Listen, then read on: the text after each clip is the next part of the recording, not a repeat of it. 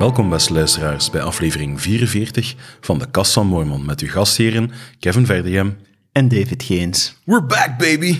Ja, nu heeft het echt ongelooflijk lang geduurd. Ja, ik denk dat de laatste keer eind oktober was. Ja, dus... Het is echt heel lang. Ik weet, niet, ik weet eigenlijk niet hoe wat er gebeurd is. Ja, ik weet het wel. Van, we, hadden, we hadden gewoon geen studio. Van, ja, van, nee, dat was inderdaad wel moeilijk. Deze ruimte waar we nu in opnemen en onze de facto studio is, ja, ik heb daar drie maanden moeten in wonen omwille van de verbouwingen.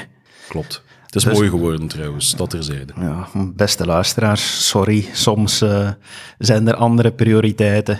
Jullie hebben even moeten wachten, maar we gaan het goed maken. We gaan effectief terug een, vanaf nu regelmatig een podcast opnemen en jullie niet meer verwaarlozen. Dat is toch onze bedoeling? Dat is onze bedoeling. Laten we ons dan maar meteen invliegen, hè? Ja, goed. Ik heb hier, uh, om wat uh, nieuwtjes te bespreken. Ik heb er hier eentje uitgepikt, Kevin. Ja, de, de tempelbegiftiging. En de, de kerk heeft daar, onze kerk heeft daar eindelijk een video over gepubliceerd. Ja. Nu, ja, we hebben altijd een beetje, ook in onze podcast, de aarzeling gehad om daar veel over te zeggen. En leden van onze kerk gaan. Ik heb al verschillende reacties gehoord over die video van. Oeh, ik dacht dat we daar niet, niks mochten over zeggen. Kan je, kan je dat eens even toelichten? Wel, er wordt alles en niks gezegd. In de zin van, in de video wordt heel mooi uitgelegd wat het nu allemaal inhoudt.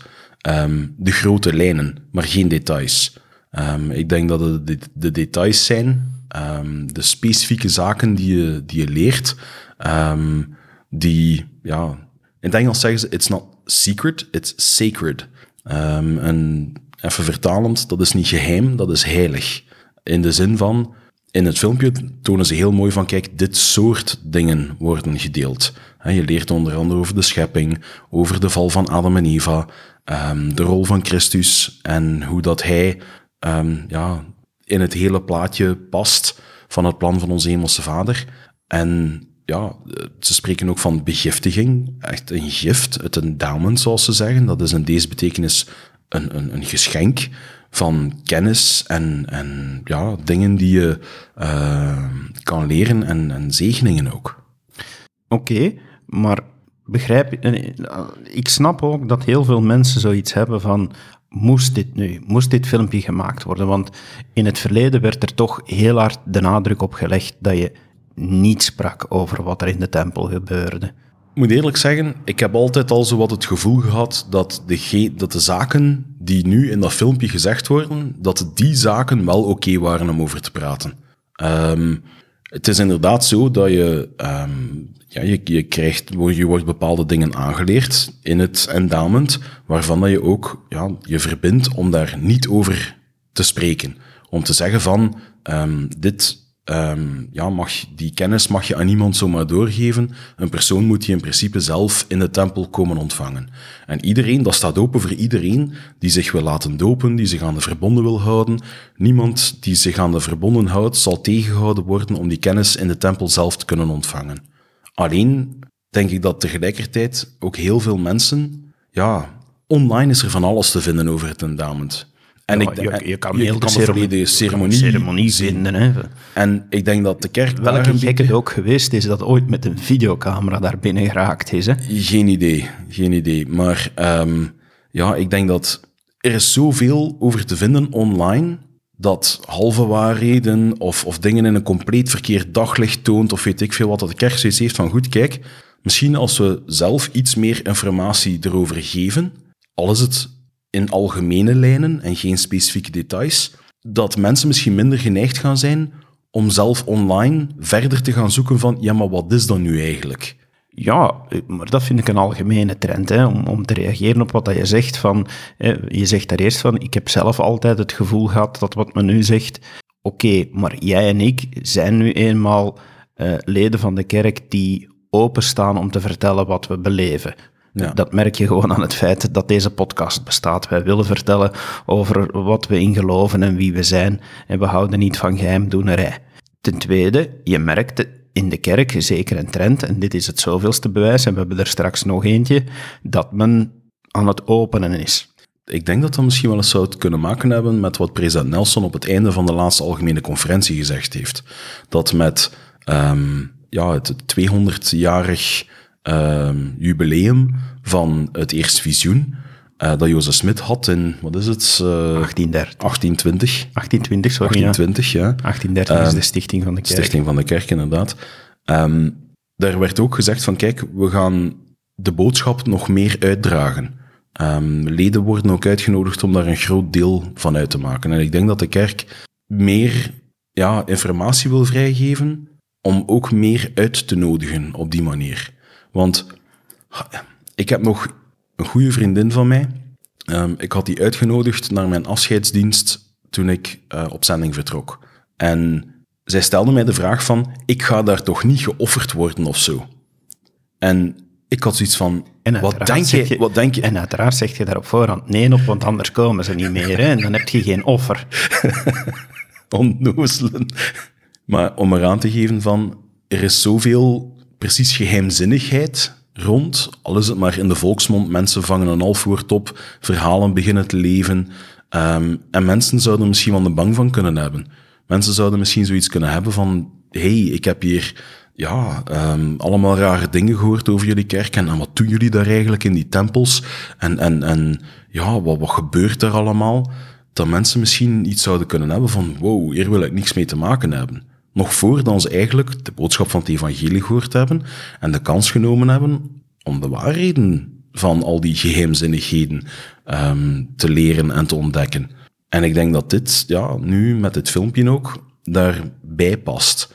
Want het zou niet de eerste keer zijn dat je iemand uitnodigt om naar de kerk te komen, dat die een paar dingen beginnen te googlen en ineens de wildste verhalen, uh, vol halve waarheden en, en flagrante leugens tegenkomen en zoiets zijn van wow, maar daar wil ik niks mee te maken hebben, nog voordat ze de kans hebben om eigenlijk ja, de Heilige Geest te kunnen ervaren.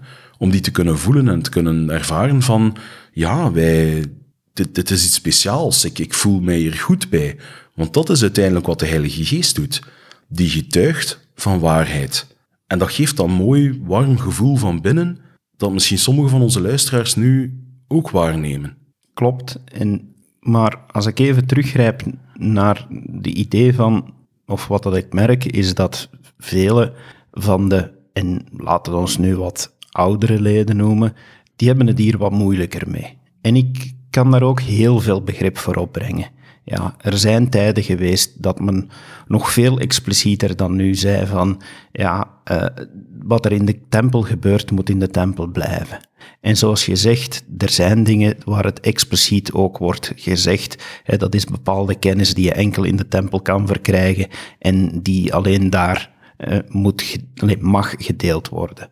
Maar we weten ook welke kennis dat, dat is, maar vroeger ja, werd er meer algemeen en werd er strenger opgetreden of opgetreden, was de symboliek ook veel meer uitgesproken. Want de ceremonie was ook licht anders toen. Hè? Ja. ja, die was vroeger veel langer bijvoorbeeld. Um, ik denk dat ook daar, zonder daar een ozel over te moeten gaan doen, dat daar ook, ja, um, net zoals dat de Heer bij Mozes, um, ja, eerst Mozes met hogere wet naar beneden liet komen, om daarna ja, kapot te smijten op dat kalf en dan terug te keren met tien geboden. Heel, ja, de Joden hadden een heel praktische wet, een lagere wet eigenlijk, dan de wet die Christus uiteindelijk bracht toen hij op aarde kwam. En ik denk dat op dezelfde manier um, de, de begiftigingssessie vroeger ja, misschien strenger was, misschien, of, of, of, of daar misschien meer, um, moet ik het zeggen, meer, um, kan moeilijk uit mijn woorden komen, meer ja, de nadruk ook legden op van hier mag niemand iets over, hmm. over zeggen of um, ja, ja. Ja, ik zeg het, ik ben absolute voorstander van die meer openheid, maar tegelijk uh, pleit ik ook voor het begrip voor diegenen die het er moeilijk mee hebben. Ja, ja. En, en ik hoop echt oprecht dat diegenen die het er moeilijk mee hebben op hun beurt ook gaan snappen dat die meer openheid, dat dat niet een verandering is dat, waarvan men gaat zeggen van, ja, maar vroeger werd ons zo uitdrukkelijk gezegd dat we hier geen woord mogen, mochten over zeggen en nu, en nu plaatst men zelf filmpjes, dus het is allemaal niet waar geweest en we verlaten de kerk. Ja, Heb je dat echt al opgevangen, dat mensen daarover de kerk Ik heb persoonlijk zo extreem nog niet. Maar ik kan me wederom inbeelden dat dat voor sommigen echt wel, wel pijn doet van die verandering zien. Iedere verandering is moeilijk. En ja, dan moet je wel beseffen dat we nu eenmaal op dat punt in een moeilijke kerk leven. We leven in een kerk met een levende profeet. We zijn daar trots op. Maar het is iedere keer als we de gevolgen ervan zien, dat we het er moeilijk mee hebben. Want een levende profeet wil zeggen dat er continu openbaring is van, van onze hemelse Vader en van Jezus Christus, die de echte leider is van onze kerk. En die zegt van, ah, nu heb ik een extra stukje informatie, want de tijden zijn veranderd, dus we gaan dit nu zo doen. En dan zijn er altijd mensen die zoiets hebben van, ja, maar we hebben het nu tientallen jaren zus moeten doen en nu moeten we het zo doen, dus zus was niet waar. Nee, het is gewoon, we passen aan.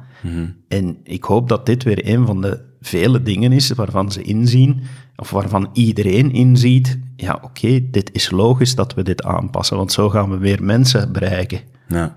In het filmpje komt op een gegeven moment ook de, de, de bovenkledij, want ze spreken over de witte kledij. En ze tonen ook in een foto ja, de, de, de kleren, die ceremonieklederen, ehm, die daar ook bij komen.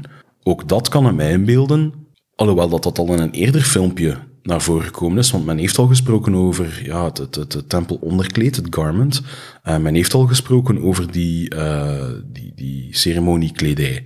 Nu komt dat er opnieuw in. Ik kan me inbeelden, ja, die ceremoniekledij, ja, dat is iets dat je ook altijd, ja, um, je neemt dan mee de sessie in, maar dat is wel de bedoeling dat dat in zijn mooie etuietje, zo, dat zit in zo'n wit uh, zakje als het ware, um, dat dat daarin blijft en dat je dat niet zomaar boven haalt, tenzij in de sessie. En dan nu plots ligt dat daar tussen aanhalingstekens open en bloot, gewoon in dat filmpje van, tada, hier is het. Ook daar kan het mijn beeld dat mensen wel moeite mee zouden hebben.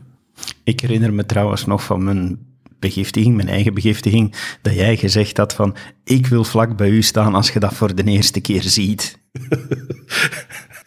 ik was toch ook uw begeleider, dacht ik, hè? Nee, nee jij was nee? niet mijn begeleider. Dat was uh, Elder Schulte. Maar je, ah, juist, ja. je, je wou wel vlak bij mij staan, ja. want je wou mijn gezicht zien van... Ja, die tempelkleding die gaat trouwens ook veranderen. Ja? Ja, er zijn ook al aankondigingen van geweest dat er uh, bepaalde vereenvoudigingen gaan gebeuren in de tempelkleding. Ik zeg het, het, het blijft ook dingen die symbolisch zijn. En symboliek, ja, dat kan veranderen doorheen de tijd. Um, ook daar, ik denk dat zolang dat je weet waarvoor de symboliek staat of, of wat het voorstelt, denk ik niet dat dat een probleem is. Als je bijvoorbeeld gaat kijken naar um, symboliek van uh, het avondmaal. Ja, men had vroeger brood en wijn. Dan is het woord van wijsheid gekomen en heeft de Heer ook gezegd van kijk, want ik krijg geschiedenis, ik wil niet dat je nog wijn bij uw vijanden gaat kopen en zo. Um, ja, ook daar is de symboliek dan veranderd naar water. Of, of toch het symbool. Maar de symboliek die erachter schuilt, is wel gelijk gebleven. Zo kan je, stel, hè, je, het, is, het, is, het is ergens een heel zware storm geweest en, en ja, je wil een avondmaalsdienst organiseren, maar je hebt eigenlijk bijna geen praktische middelen en er is nergens brood te vinden. Maar je hebt nog, ik zeg maar wat, een doos met Oreo's. Wel, dan zou je in principe, hoe onnozel dat ook klinkt... Nee, Kevin. Nee, nee, nee. We gaan zondag geen Oreo's met melk uitdelen. Goed geprobeerd, maar... Toen. Nee, maar alle gekheid op een stokje. In principe, je kan andere zaken gebruiken, zolang dat je maar de symbolen aandachtig bent op een moment van. Ik kan me inderdaad inbeelden dat Oreo's met melk nu misschien niet zo een, een, een, een, een, een geestelijke um, atmosfeer met zich meebrengt. Nee, maar je hebt volledig gelijk. Je kan maar van alles Oreo's, gebruiken, hè? Die Oreo's zouden te veel afleiden. Ja, van, inderdaad. Dan zou men denken, hm, lekker. En men zou manier, niet meer stilstaan bij het feit dat het het symbool, van is Christus, ja. van het lichaam van Christus Maar- en de verbonden die eraan aan vastzitten. in regel, als dat het enige is dat je hebt om als avondmaal eh, te gebruiken, het belangrijkste is en blijft dat je die symbolen aandachtig bent. Om dan terug te keren naar de tempel. Inderdaad, als daar in die kledij zaken veranderen, ja, dan is dat zo. Zolang dat we die symbolen, of, of de betekenis die erachter schuilt, maar indachtig blijven. En dan denk ik niet dat het zo gigantisch veel verschil maakt. Ja, de, het, is en blijft natuurlijk heel veel gaan over symboliek. En ik denk, of ja, wederom, ik hoop dat de meeste mensen kunnen volgen, want heel veel. we zitten nu met, met een president onder wiens beleid, of ja, onder zijn openbaring, dat we in een periode zitten van heel veel veranderingen. Ja. En ik denk dat dat ook wel een deel een test is. Hoe goed kunnen we met die veranderingen omgaan? En ik hoop dan echt dat de mensen die in onze kerk, de leden in onze kerk, dat die het aankunnen. Want ik kan me inbeelden dat het allemaal niet altijd even makkelijk is om getrouw te blijven onder al die veranderingen. Als je tientallen jaren eh, zaken hebt altijd als vast beschouwd en plots veranderen die, ja, ik heb daar begrip voor dat dat, dat, moeilijk is. Ik ben zelf, ik heb het voordeel dat ik nog maar net acht jaar en een half lid ben. En dat sommige gewoontes bij mij dan niet zo vastgeroest zijn. Want ja, ik vind dat dan ook mooie symboliek. Iets dat vastgeroest is, ja, daar heb je wel behoorlijk wat smeermiddel voor nodig om het los te krijgen. Absoluut. Je zei dan ook van, ja, hè, er is dan nog nieuws eh, gekomen.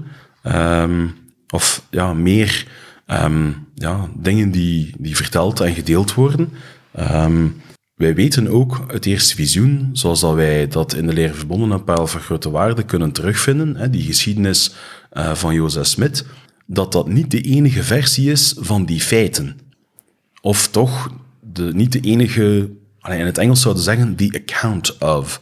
Willen ze zeggen van, dat is niet zozeer een versie, maar dan wel ja, verschillende tijdstippen waarop Jozef Smit daarover verteld heeft en dat er inderdaad ja, toch wel verschillen in terug te vinden zijn. Hè? Het zijn verschillende neergeschreven versies. Ja, Ja.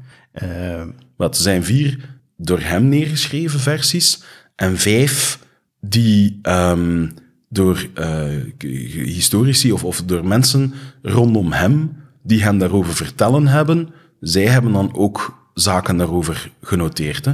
We gaan eens eerst even een stapje terugnemen, want ik denk dat we een aantal luisteraars misschien aan het verliezen zijn. Het eerste visioen. Wat bedoelen we daarmee? Dat is het volgende.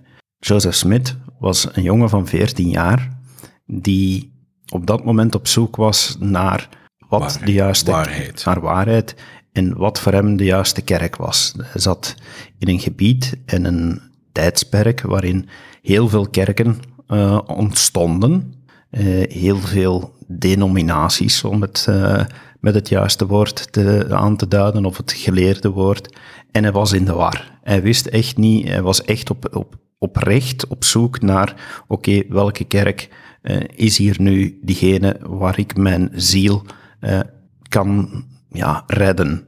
En hij heeft dan beslist om te bidden en eh, zich in het, in het bos terug te trekken en te bidden en eh, te vragen van, ja, lieve God, wat is de juiste kerk? Gewoon die vraag oprecht rechtstreeks aan God te stellen.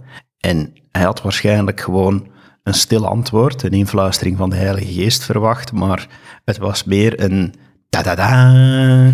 Een keer zo'n moment dat, dacht, dat, hemels, allee, dat Hemelse Vader dacht van, laat het ons een keer eens grandioos mee uitpakken. Let, let the light shine. Let the light shine. Eh Katrina in de Waves? hè? Nee? Nee? Eh, goed, je brengt me van de war, Kevin. Sorry. Of in de war. Eh, zie, zelfs die uitspraak kan ik al niet meer juist doen. Nee, en ja, Hemelse Vader is toen verschenen samen met Jezus Christus aan Joseph Smith en heeft hem dan eigenlijk verteld van, oké, geen enkel van de huidige kerken is de juiste kerk, eh, dus daar moet je je niet bij aansluiten. En Joseph Smith heeft daar nog heel wat andere instructies gekregen eh, die hem voorbereid hebben op zijn toekomst als profeet van de nieuwe bedeling en van de herstelling van het evangelie. En dat noemen we dus, eh, die verschijning, dat is wat we het eerste visioen noemen. Ja. En nu zou je kunnen zeggen, zo, zoals jij al bezig was, van oké, ja, dat is heel simpel. Ja, dat is gebeurd en je schrijft dat neer. En oké, ja, that's it. Waarom zijn er dan verschillende versies van? Ook dat is voer voor discussie al een hele tijd in onze kerk. Van, want soms verschilt het daar in detail. In, in die andere versie zit daar weer een detail anders. Dus er zijn er heel veel critici. En tegenstanders die dat, die arge, of dat argument gebruiken als van, zie je wel, hij heeft het verzonnen. Maar er zijn evengoed forensische studies en ja, heel veel studies nu ook van specialisten ter zake, die zeggen net van, nee, het is net omwille van die typische verschillen die erin zitten, dat je kan aantonen dat het wel degelijk waar is. Dat is uh, ook nee, bekend, um, dat er ooit eens een, een, een, een, uh, voormalig FBI-agent over ondervragen van um, daar ook gezegd heeft van kijk, de reden waarom dat we mensen ja, vaak dezelfde vragen opnieuw stellen, is omdat we willen zien of dat er geen details ofwel veranderen, of bepaalde details weggelaten worden of bijkomen, zegt hij. Want als we iemand ondervragen en we zijn die al voor de vierde keer dezelfde vraag aan stellen, die geeft voor de vierde keer exact het juiste antwoord, of exact hetzelfde antwoord, dan wil dat eigenlijk zeggen dat die persoon dat op voorhand heeft ingeoefend. En dat die een riddelke van buiten heeft geleerd, om dan ja, steeds exact hetzelfde verhaal te kunnen geven, zegt hij. De, de echtheid van zo'n overhoring of, of, of, of, een getuige die je vraagt over ja, wat is er daar gebeurd, is juist dat iedere keer dan ze het opnieuw vertellen, dat er bepaalde details ja, meer naar boven komen of, of, of andere die dan ja, naar de achtergrond verdwijnen. Of, dat is eigenlijk genuine. Zo kun je die, die echtheid ervan eigenlijk gaan, gaan vaststellen. Klopt. En in dit geval hebben een aantal geleerden dat ook gedaan. En ik kan daar zelf aan toevoegen dat uit mijn eigen ervaring dat wel klopte, en zeker voor geestelijke zaken. Als je een geestelijke ervaring hebt, dan is dat geen fysieke of puur fysieke ervaring. Zelfs niet wat Joseph Smith heeft meegemaakt en die verschijning van Hemelse Vader uh, en, en Jezus Christus, dat moet enorm indrukwekkend geweest zijn. En ik denk dat niet alleen die, die vier of die zes versies uh, waarvan hier nu spraken, dat dat de enige versies zijn. Ik denk gewoon iedere keer als die daaraan terugdacht, dat die andere dingen snapte. Ik heb dat zelf al ervaren. Uh, als je persoonlijke openbaring krijgt en je begint daar nadien terug over na te denken, dat je andere nuances ziet, dat je snapt van, ah ja, daar is dat mee bedoeld en, en, dat is op die manier. Om dan doorheen de tijd ook jouw ervaringen, de dingen die je bijleert, zaken uit je verleden ook anders gaan kleuren. Ook meer begrip. Dus daarom ook dat mensen die zeggen van kijk, ik heb al zoveel keer door het Boek van Mormon gelezen en telkens lees ik iets nieuw. De tekst is niet veranderd, maar uw begrip van wat je leest verandert. Omdat je de laatste keer dat je er doorgelezen hebt iets nieuws bijgeleerd hebt. Waardoor als je weer aan het begin begint met dat nieuw begrip, zaken in een ander licht ziet. Ja, en we moeten ons ook realiseren van, nu ga ik een wat-als-stelling opbouwen. Ja, en het gaat natuurlijk ook weer van, je moet natuurlijk geloof hebben, maar als je geloof, geloof hebt, dan ga je ervan uit dat God een hoger wezen is. Mm ja, en hoger wezen die op een zoveel hoger niveau denkt, redeneert en ook waarschijnlijk op een heel andere manier met communicatie omgaat. Staat ook zo in de schriften, hè? Ja. En dan moet hij communiceren met ons, zijn kinderen, maar terwijl dat we hier in een aardse staat zijn, dat we niet op een hemelse manier kunnen communiceren. Dus er moet een vertaalslag gebeuren, er moet een vereenvoudiging gebeuren. Maar wij zijn wel kinderen van hem. Dus die vereenvoudiging, ik denk dat je de, de, eerste keer als je een openbaring krijgt of een geestelijke ervaring hebt, dat je ze altijd in zijn meest eenvoudige vorm ervaart. Maar naarmate je ze herbekijkt en er dieper op ingaat, dat onze hersenen alsmaar in staat zijn om meer en meer terug te snappen van, ah ja, maar er komt eigenlijk ook nog dat laagje bij en er komt nog dat laagje bij en dan nog dat laagje.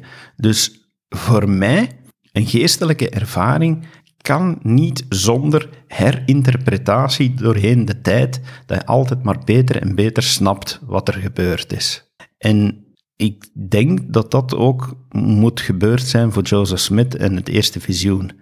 En ik vind het dan nu heel leuk, want wat is, wat is er nu specifiek? Want nu zouden we het nog bijna vergeten aan te kondigen. Voor de mensen die hierin geïnteresseerd zijn, is er nu een podcast-serie uh, vrij recht toe recht aan. Zes afleveringen. Zes afleveringen, uh, die er dieper op ingaan. Ja. En ik vind niet dat, wij het hier allemaal kunnen uitleggen, want dat zijn echt geleerden die er enorm diep zijn op ingegaan. Eh, er zijn uh, heel wat boeken over verschenen, maar deze podcast is voor wie het vrij simpel wil verteren. Zes afleveringen, er gaan er ook geen meer bij komen. Het is een afgesloten podcastreeks. Dus uh, wie wil, die kan, uh, het is wel in het Engels, maar die kan de Joseph Smith Papers uh, podcast terugvinden online en daar naar luisteren. Al daarheen. Je vindt het dus op, op, op Letterday Saints Channel, iTunes, Google Play, Spotify zelfs. Dus overal terug te vinden. Next thing een fout in, in de manual van, uh, van onze kerk. Uh, is het een fout? Wacht, ik ga, eerst even, ik ga eerst even teruggrijpen van naar, naar enkele feiten. Laat ons een, een paar dingen op een rij stellen. Op dit moment zijn er in onze kerk twee handboeken voor. Allez, zijn er twee handboeken in omloop. Handboek 1 is beperkt in omloop en is gericht op onze bisschoppen en onze ringpresidenten. Ja? En daarin staan strikte richtlijnen over hoe met bepaalde zaken om te gaan. Dat is een handboek dat niet voor iedereen beschikbaar is. Handboek 2 daarentegen is dan weer wel voor iedereen beschikbaar. Handboek 2 is vrij te raadplegen. Er zijn ook heel wat richtlijnen, maar ja, dat vind je gewoon op het internet, op, uh, op onze website uh, van de kerk. Dus vrij beschikbaar. Wederom, we hebben, het daar, we hebben het daar straks al gezegd, onze kerk kiest alsmaar meer voor openheid. Men heeft nu beslist om die twee handboeken samen te voegen. Dat is al de eerste wow. Dat is al de eerste wow. En men gaat die gewoon publiek beschikbaar stellen. Dat is de tweede heel grote wow, want ja, ik heb zelf zo'n handboek, ik heb nog niet in een bischap gediend, als het ware. Nee, ik heb wel gediend als uh, secretaris en als um, um, administrateur. En daarin krijg je een exemplaar dat je kan inkijken, maar het wordt ook wel meegegeven van, het is niet de bedoeling dat je dat mee naar huis neemt en volledig gaat lezen. Je kunt hier dingen in opzoeken als het nodig is. Bijvoorbeeld bij een disciplinaire raad, bijvoorbeeld. Dat je daar ja, iets over moet vinden. En dan kan je dat opzoeken daarvoor. Maar voor de rest is dat een handboek dat normaal gezien in de kast blijft, in de kerk. Um, en dat voor jou is om te raadplegen op het moment dat je het nodig hebt. Ja, maar, maar, zo is het inderdaad. Van, ik ben nu lid van de Hoge Raad, een orgaan dat mee de ganse ring bestuurt. En ik wou onlangs ook iets weten dat in dat handboek stond. En het was ook van, ja, de, de ringadministrateur zal u dat stuk bezorgen en dan kan je dat raadplegen, maar het hele handboek is voor u niet beschikbaar. Dus dit is nu een verandering die ik zelf nu meemaak van wow, dat, dat is toch een serieuze verandering. En voornamelijk, ze wordt niet alleen beschikbaar gesteld voor alle leden, ook alle niet-leden gaan het ja, kunnen raadplegen. Het is niet dat je zomaar een account nodig hebt uh, op LDS.org. Allee, dat bestaat niet meer. Uh, Church of Jesus Christ.org. En daar ga je inderdaad geen account op nodig hebben om dat te kunnen raadplegen. Mm -hmm. Dus dat is al ja, echt wauw. Want dat zal natuurlijk weer leiden tot mensen die dit gaan uitpluizen tot op de komma en ja, allerlei redenen gaan vinden, uh, stokken gaan vinden om ons te gaan slaan en te gaan zeggen, ja, zie je wel, daar dit, daar dat. Ja. En de eerste stok is al gevonden. En het heeft spijtig genoeg weer te maken met iets wat ons al jaren achtervolgt en zal blijven achtervolgen. Dat is hoe men met name in het verleden is omgegaan met uh, mensen van Afrikaanse afkomst. Ja, laten we ons eerlijk in zijn, jarenlang en echt decennia lang, sinds het ontstaan van onze kerk, heeft men gezegd van die mensen zijn vervloekt of dragen toch nog een, een, een vloek met zich mee uh, uit de oudheid der tijden en die zijn niet waardig genoeg om het volledige priesterschap te dragen en om volledig lid te zijn van onze kerk. En dat lijkt in deze tijden onbegrijpelijk en ik wil niet terug dat hele proces gaan voeren. We hebben het daar al in vorige podcasts uitgebreid over gehad. Dus dat is iets wat we ook als kerk graag achter ons zouden laten, waar onze huidige president echt ook heel veel moeite doet om aan te geven van kijk, dat is in het verleden zo geweest. En ja, we hebben daar wel spijt van en we willen nu naar de toekomst kijken en laat ons de handen in elkaar slaan. En dat vind ik fijn. Ja, daar bewonder ik president Nelson enorm voor, want dat is een pijnlijk stuk uit onze geschiedenis. En wat is er dan spijtig genoeg nu in het handboek terug ingeslopen? Dat is dat men daar, ja, dat men dat stukje expliciet terug citeert, zonder daar de nuance bij te maken. Ja, en dat diegenen die dat de ogen dicht doen voor alles wat er de afgelopen jaren gebeurd is, kunnen zeggen van, zie je wel, in het handboek staat nog altijd iets racistisch in. Gewoon omdat de zinsnede, zoals het erin staat, ja, zonder extra uitleg, dat je zegt van, ja, voilà, zie je wel, men citeert hier gewoonweg weer de oude geschriften waarin staat dat mensen met een donkere huid, dat die vervloekt zijn. En dat, dat vind ik, ja... Ook dat vind ik altijd zo van... Als je echt naar de oudheid gaat kijken, dan is er op een gegeven moment ja, een, een, een, een, een groep van de, van, van de bevolking die God niet volgde, inderdaad vervloekt geweest. En om het verschil aan te duiden, werden zij ook een donkere huidskleur gegeven. Zo heb ik het toch begrepen. En dan ging de gedachte dat, dat gewoon doorheen de geschiedenis, zoveel generaties verder, dat die vervloeking daar inderdaad nog steeds zou zijn. En ik denk dat dat de, de achterliggende reden is waarom dat, dat dan, ja, waarom dat, dat gedachtegoed zo toch in de begindagen van de kerk ook voortgedragen geweest is. Ja, maar ik ga even teruggrijpen naar wat jij daar straks zei in het kader van de tempel. Het gaat hem over symboliek. Er wordt nu zelfs, als je de mensen, de, de, de schoolers die met deze materie bezig zijn, uh, de scholars, die, die, die, gaan, die gaan zelfs zeggen van, ja, je mag dat niet letterlijk nemen. Die mensen zijn niet op slag van, van, een, van een witte huid naar een donkere huid gegaan. Mhm. Die zijn, die hebben een, een, een, een donker uh, uiterlijk gekregen als zijnde van, voor de mensen die rechtschapen waren, waren dat donkere wezens in de zin van, zij waren van de dark side. Ja, van... Ja, niet over Star Wars begin. Oh, trouwens, de laatste Star Wars is echt wel goed. Hè. Ja, van, en, en, ja, helemaal ja, verleden van onze kerk, zo vol met symboliek ook van echt... Maar hoe, hoe, hoe, hoe... Uh, is er nu weer van de dingen aan het afgaan? Ja, ongelooflijk van. Uh, nee, maar het gaat hem over enorm veel symboliek. En het is in die zin spijtig dat de zinnen die nu in, in het handboek staan, oké, eh, je kan er aanstoot aan nemen. Ik zeg het wel degelijk, je kan. En ze hadden beter vermeden worden. Dat is ook mijn oordeel, mijn persoonlijk oordeel. Maar degenen die er aanstoot aan nemen, ja, die willen er ook aanstoot aan nemen. En die, dat is ook mijn persoonlijk oordeel. En die willen gekwetst worden door de kerk.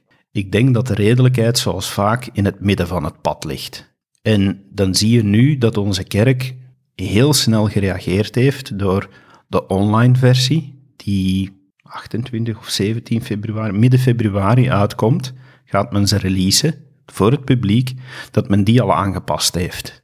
Nu zie je wel dat er heel veel mensen zijn die zeggen van ja, maar de gedrukte versies, want in het Engels zijn ze dus al gedrukt en staan dus de foute zinnen in.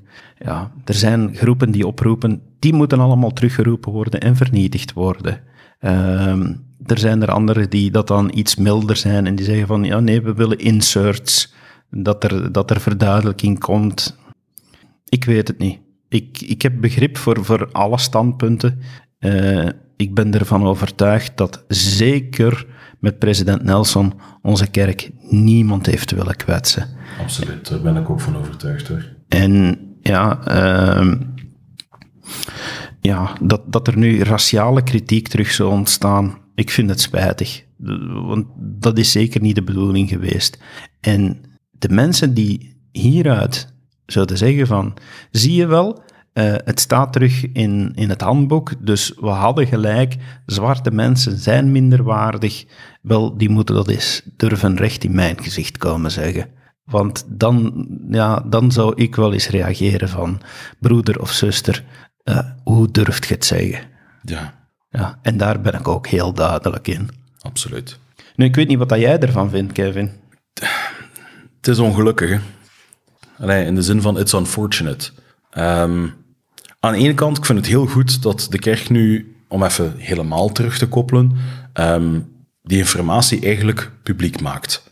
Ehm, en daarmee bedoel ik niet die informatie specifiek, die, die zinsnede die je aanhaalt, maar gewoon ja, dat handboek dat zogezegd, allee, alleen, allee, niet zo gezegd, dat alleen voor de ogen van was, dat dat nu publiek komt.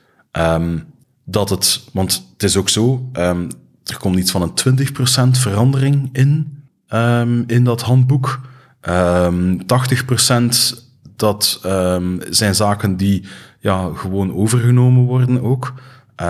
dus ja, het is niet enkel zo van, we gaan ze nu samenvoegen en that's it. Er komt een nieuwe structuur in, er komt een nieuwe... Ja, uh, het gaat eigenlijk een, een, een, een, nieuwe structuur zijn binnen dat handboek ook. En ja, denk dat het beter zal zijn dat die informatie gekend is. Um, ik denk dat dat een, een, voordeel zal zijn voor, voor alle betrokkenen. Nu, terzelfde tijd heb ik ook zoiets van, gaat iedereen daar zomaar klaar voor zijn?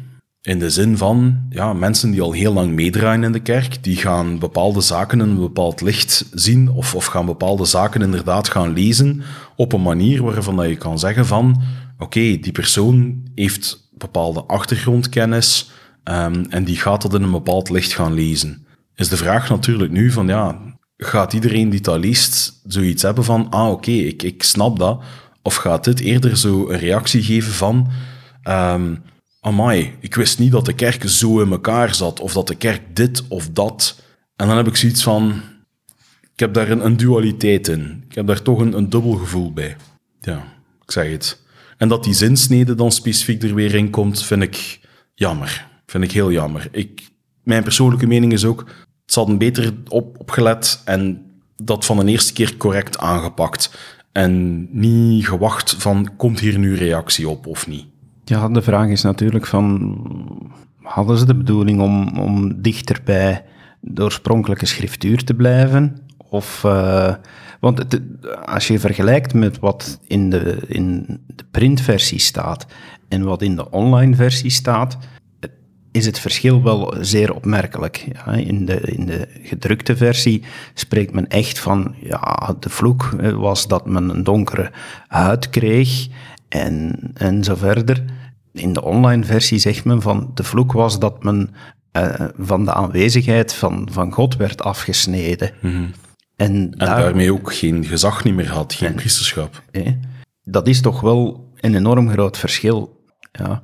De, ik kan begrijpen dat het. Nee, ik begrijp zeker, niet kunnen, ik begrijp dat het kwetsend is. Ja. Uh, als ik alleen al kijk, de mensen die ik, die ik in onze eigen wijk ken, uh, ik hoop ik dat, dat daar echt niemand gaat door gekwetst worden. En dan ben ik de eerste om hen te troosten. Moet er nu, moet er nu echt, moeten er kosten gemaakt worden om die gedrukte versies eruit te halen? Ik heb daar nu al lang zitten over na te denken. Hè. Wel, ik zou het doen. Ik, ik zou ik wel een volgen? Ik zou, ik zou effectief de foutgedrukte versies terughalen en vervangen. Ik vind dit, ik vind dit zo belangrijk. Ik vind het zo belangrijk dat we na alle inspanningen die we hebben geleverd naar uh, en we hebben het daar al letterlijk over gehad, zelfs over van uh, hoe moeten we iemand noemen met een andere huidskleur om niet kwetsend over te komen. En we hebben van broeder Odro dan ja, de tip gekregen, noem ze gewoon mensen met een andere huidskleur. Uh, ja, om echt te bewijzen van we willen niemand kwetsen. Wel, als er ook maar enkele zijn die er aanstoot aan nemen, wel, dan gaan we dit corrigeren. Ja. De vraag is natuurlijk in welke mate is die um, gedrukte versie al bedeeld. Je gaat ze nooit allemaal kunnen terugroepen. Hè? Nee, nee, maar gewoon weg. Je gaat ze nooit allemaal kunnen terugroepen en je gaat altijd anti uh, mensen hebben die zoiets hebben van kijk, ik heb hier zo'n boek bemachtigd of kijk, hier is een scan van het handboek zoals het de eerste keer uh, was uitgekomen en zie wel, eigenlijk bedoelen ze nog altijd dit en ze hebben het alleen maar ja, gedaan omwille van de publieke opinie. Dat is. Uh, maar ja, even goed gaat men altijd ook de oude handboeken terugvinden waar het anders in staat. Men gaat het boek van Mormon terugvinden waar het, waar het in staat. Wie een hond wil slaan, vindt licht een stok, zegt het spreekwoord. daar maak ik me geen zorgen in. Maar ik, ja, in deze sluit ik me nu eens aan bij diegenen die, die zeggen van laat er dan toch op zijn minst een duidelijk statement komen van onze kerkleiders die, uh, die zeggen van jongens, big mistake, huge failure, uh, was niet onze bedoeling. Ja, we moeten dit corrigeren. Ja. Ja, en misschien dat de correctie dan niet moet komen door de boeken terug te roepen, want het kwaad is dan al geschied. Maar alsjeblieft, laat er dan toch, ja, dan is het toch nog geen grote moeite om, om net iets verder te gaan dan enkel de online versie te verbeteren. Sterker nog, waarom doet men überhaupt nog gedrukte versies?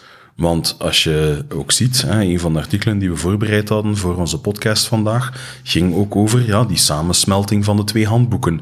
En het feit dat um, ja, dat daar nu veranderingen in komen ten opzichte van vroeger.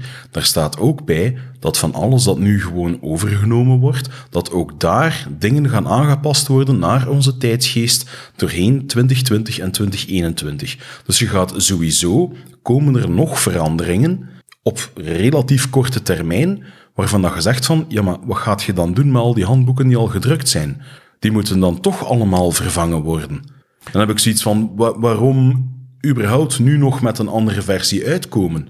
Zeker, zeker in het. Ah ja. Daar, daar heb je wel een punt in en dat speelt eigenlijk al jaren. Uh, en ik heb er mij zelfs onlangs laten aanvangen. Want ik had er niet bij stilgestaan. De afgelopen twee jaar zijn er al behoorlijk wat veranderingen geweest. En ik moet nu uh, deze maanden moet ik vanuit mijn huidige roeping een instructieles geven in de verschillende wijken. En gelukkig viel mijn oog erop, tegelijk met dat er iemand mij ook nog op wees, dat tussen de Nederlandse versie van het handboek en de Engelstalige versie, zelfs diegenen die in de app zitten, dus de, de niet gedrukte versies, maar gewoonweg omwille van de vertalingen, dat de Nederlands vertaalde versie nog een veel oudere versie is en dus instructies geeft die inmiddels niet meer kloppen. En dat je dus op dit moment zelfs eigenlijk moet zeggen van ja, je kan maar vertrouwen op één versie. En dat is de meest recente Engelstalige versie. Dat is de meest recente Engelstalige versie in de, uh, de online app. Ja, straf eigenlijk. Ja, ja, wederom, zoals we zeggen, er, er verandert momenteel zoveel men kan niet constant herdrukken en ja, zelfs de vertalers kunnen bijna niet volgen. We hebben het nogal gezegd, het is, de bijnaam van onze president is Hustle M. Nelson. Hè? Hmm. Dus, de vraag is waarom nog zoveel papier verspillen, waarom nog zoveel... Nou ja, het is, we leven echt in, in een wereld waar dat bijna overal waar de kerk mag zijn, dat er wel voldoende online mogelijk is om aan de juiste gegevens te komen. Al is het maar om met een computer die in het kerkgebouw staat, waar internet is, want hè, uw wekelijkse rapportering van uw financiën en zo, dat moet toch allemaal doorgestuurd worden. Um, dat je als kerkleiders of iedereen die zo'n handboek nodig heeft, in principe gebruik kan maken van die computer om op de website van de kerk de, de juiste gegevens te krijgen. Dus ik zie niet echt nog een reden in waarom dat het nodig zou zijn. Oh, een gedrukte versie. Hmm. Ik ben nu zelf Mr. Online, uh, maar ik ga eens tegen mijn eigen regels ingaan. Ik heb het liefst ook online. En, ja, maar er zijn heel veel mensen die nog heel graag op papier werken. En, die graag dingen kunnen bijschrijven en zo. maar de, app, ah nee, de Gospel Library app, zowel voor de tablet als voor de telefoon, geven u allemaal de kans om er uw eigen notities bij te gaan schrijven, om dingen te gaan aanduiden. Plus, dat staat dan allemaal gesynchroniseerd in de cloud, zodanig dat een handboek kan je altijd verliezen. Of dat kan vernietigd worden in een, in een brand of in een, in, een, in een overstroming of weet ik veel wat. en dan ben je dat allemaal kwijt. Ja, Kevin, en ik ben de eerste om dat te zeggen. Ik heb jarenlang in die business gezeten en er mijn geld mee verdiend. Maar uh, ja, nee, ik heb toch ook begrip voor diegenen die zeggen van nee, geef mij toch maar een boek waarin ik kan onderstrepen of met een fluo-stift kan werken. Uh, het, blijft, het blijft anders. Al is het maar gewoonweg lezen op een tablet is, is voor ons ogen niet altijd even aangenaam als op papier lezen. Um, ja, nee. Ik heb daar begrip voor, voor, voor, voor wie zegt van nee, uh, ik vind dat papier niet helemaal kan uitgesloten worden. Maar daar komen een pak nadelen aan verbonden. En daar worden we nu mee geconfronteerd. En, en dit, uh, dit, is er, ja, dit is er een spijtig neveneffect van. En ik hoop dat, uh, dat het niet te zwaar ja, radioactieve neerslag met zich mee gaat brengen. Het is dat. En dat dat we, ja, dat we kunnen zien dat eh, de mensen dit toch een juiste plaats kunnen geven. Eentje die ik nog uh, van het net heb geplukt. Um, nu, niet zozeer denk ik een probleem voor de leden hier in Vlaanderen en Nederland. Um, dat is, uh, maar het heeft te maken met de vrouwenconferentie. Dat BYU, dus de, de universiteit van onze kerk, dat die tijdens haar uh, vrouwenconferentie uh, geen uh, ja, borstvoeding en, en kleine kinderen, of beter gezegd zelfs gewoon geen kleine kinderen zal toelaten. En dat jonge moeders zich de facto uitgesloten voelen om, om naar die conferentie Omdat te er kunnen geen gaan. borstvoeding zou mogen gegeven worden. Ik heb zoiets van één, er zitten allemaal vrouwen. Twee, Mannen mogen ook binnen tegenwoordig, hè? Ja, maar gewoon in het publiek of wat? Ja, ja, ja. De, de vrouwenconferenties, zoals ze tegenwoordig opgevat zijn, mannen mogen ook binnen. Nu goed, ehm bende preutse oelewappers, kom aan zeg. Een borst dient om een kind te kunnen voeden. Hè? Biologisch gezien is dat de primaire functie van een vrouwenborst. Is om een, een klein babytje alles te kunnen geven dat het nodig heeft. Waarom moet dat in vredesnaam verboden worden? Ik heb echt zoiets van idioten. Ah, ja, maar ja, in Amerika zijn ze zoveel puriteinser en gaan ze zoveel ah, andersom met, met, met naaktheid. Hier in Vlaanderen bijvoorbeeld, en ik weet niet hoe dat zit in Nederland, maar ja, er wordt op een andere manier omgegaan vaak met, met naaktheid in familieverband. Ja, het is niet zo dat een moeder bijvoorbeeld ehm, die borstvoeding geeft, zich in een andere ruimte gaat zetten om borstvoeding te geven, die gaat dat doen waar dat daar andere kinderen bij zijn. Gaat hij de borst geven? In Amerika is dat misschien anders, dat weet ik niet. Misschien is er daar inderdaad de nursery, hè, waar dat je ehm, naartoe gaat om je kindje ongestoord borstvoeding te kunnen geven. En dan heb ik zoiets van, ja, in Vlaanderen gaan we daar anders mee om. Dat is, dat is de natuur, dat is normaal, dat is, daar wordt niet over gezeverd. Ik denk, ik denk, als je zo ziet ook, ja, de reacties in Amerika, je ziet daar soms filmpjes van online, um, van, van uh, groeperingen van, van vrouwen die borstvoeding geven, die dan een soort boycott gaan doen door ergens in een mall, waar dat, dat verboden werd, en masse borstvoeding te gaan geven en van die toestanden.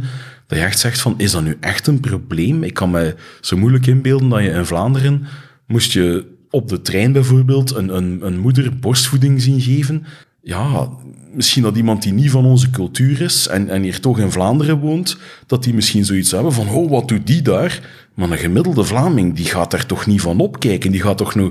Ah ja, ik heb beelden gezien van, van, van mannen en vrouwen in Amerika die naar een, een zogende moeder um, uh, toestappen en zeggen van, u moest zich schamen, dat is vies, dat is niet normaal, dat is vuil, wat doet jij hier, hoe durft jij? En dan heb ik zoiets van, waar, waar zijn in vredesnaam mee bezig? Dat is waar dat God in de schepping voor gezorgd heeft dat kleine baby's die nog geen vast voedsel kunnen eten, dat die toch alle voedingsstoffen binnenkrijgen die ze, die ze nodig hebben, via die borstvoeding.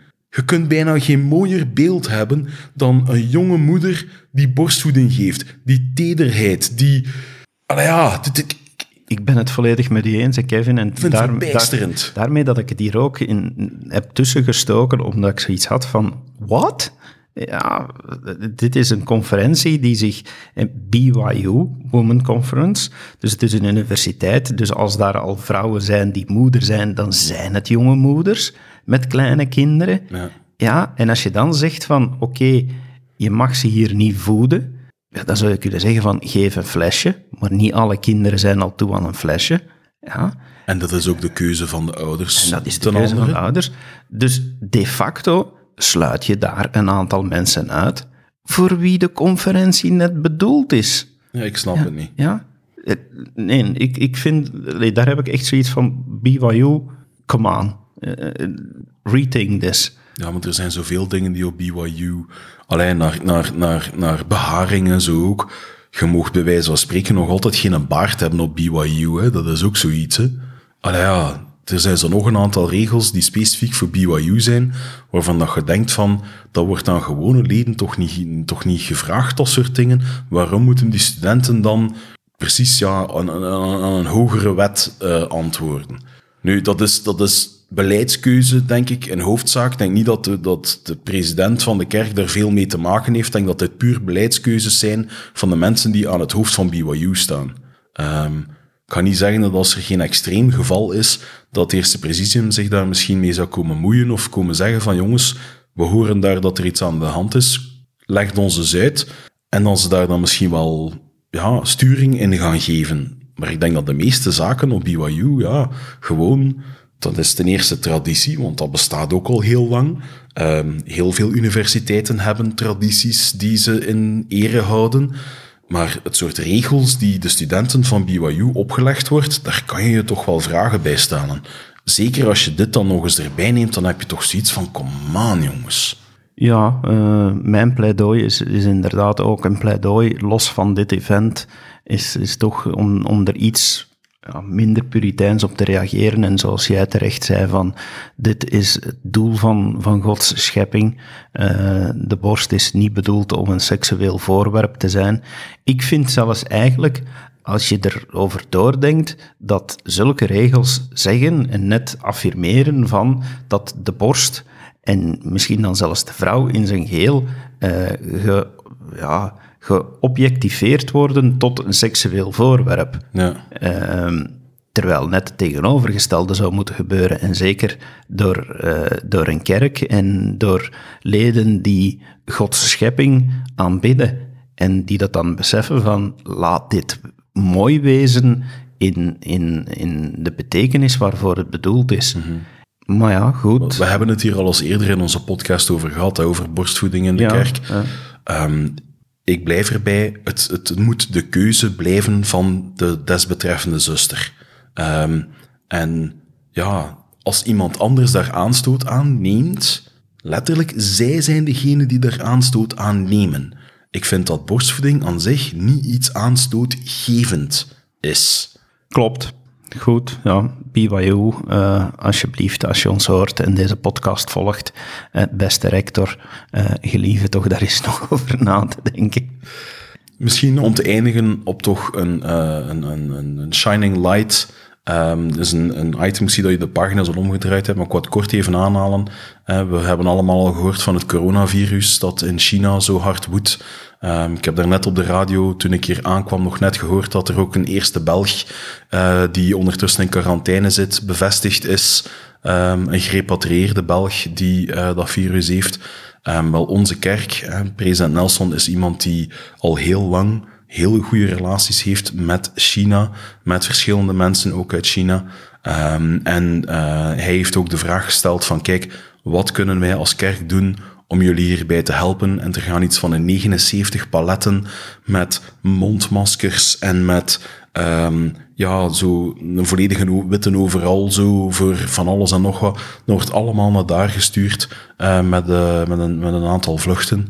Um, dat de kerk doneert om daar toch wel wat verlichting te brengen in een ziekenhuis, um, een kinderziekenhuis dacht ik, dat door, omwille van de situatie in Wuhan is er zo een vraag aan supplies van de omliggende streken, dat die omliggende streken nu zelf in de problemen komen.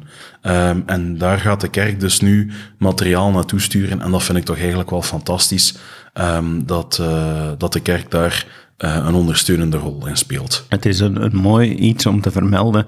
Zoals vaak is onze kerk uh, bij de eersten om hulp te bieden. En ook hier, ik denk dat het niet louter is om de omwille van de goede banden tussen president Nelson en China. Maar ja, het is, het is een mooi gebaar om te zien dat onze kerk wil helpen. Trouwens, toch even vermelden dat uh, ik bewondering heb ook voor de Chinezen wat, uh, wat zij daar doen. Een ziekenhuis bouwen in tien dagen. Ja, dat is ongelooflijk. Ja, crazy hè. Van, uh, dus, Vragen, zo lang blijft het recht staan hè?